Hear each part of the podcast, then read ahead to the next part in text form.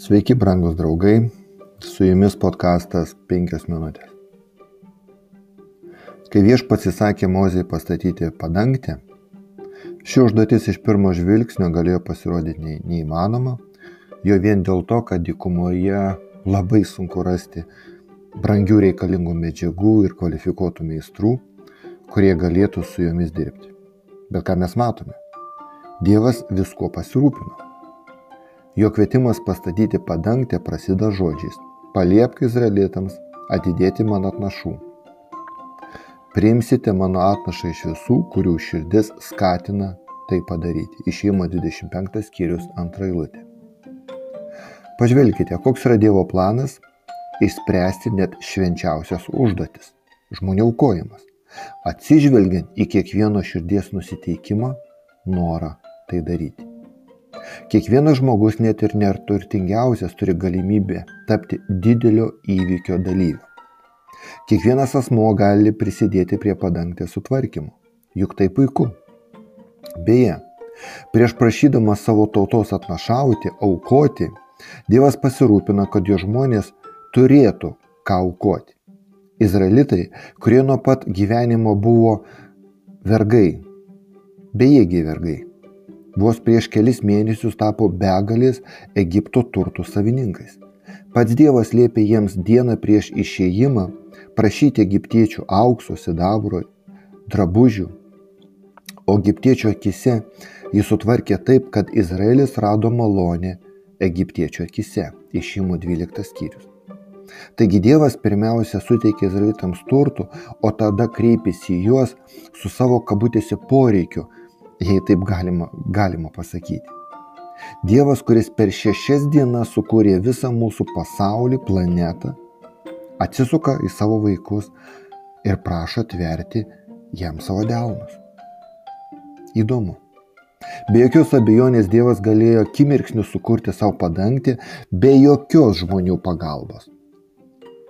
Tačiau jis į savo planą įtraukia žmonės. Turbūt kad Dievas nori mus kai ko išmokinti. Jis visada mus moko.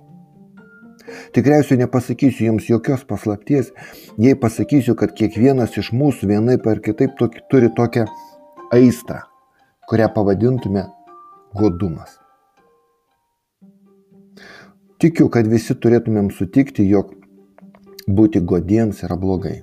Tačiau tuo pačiu metu džiaugiamės radę, įsigiję tai, ko norime ir nuliūstame, nuliūdame, nuliūstame, kai kažką vertingo prarandame, tai mums yra natūralu. Pats Jėzus mus perspėjo, saugokitės bet kokio godumo, nes žmogaus gyvybė nepriklauso nuo jo turtų gausos.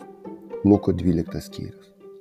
O Paulius laiškė feziečiams tapatina godumą, taip taip godumą su stabmeldystė, kuri, sakytume, kabutėse blokuoja mūsų kelią į Dievo karalystę. Efeziečiams 5 skyrius.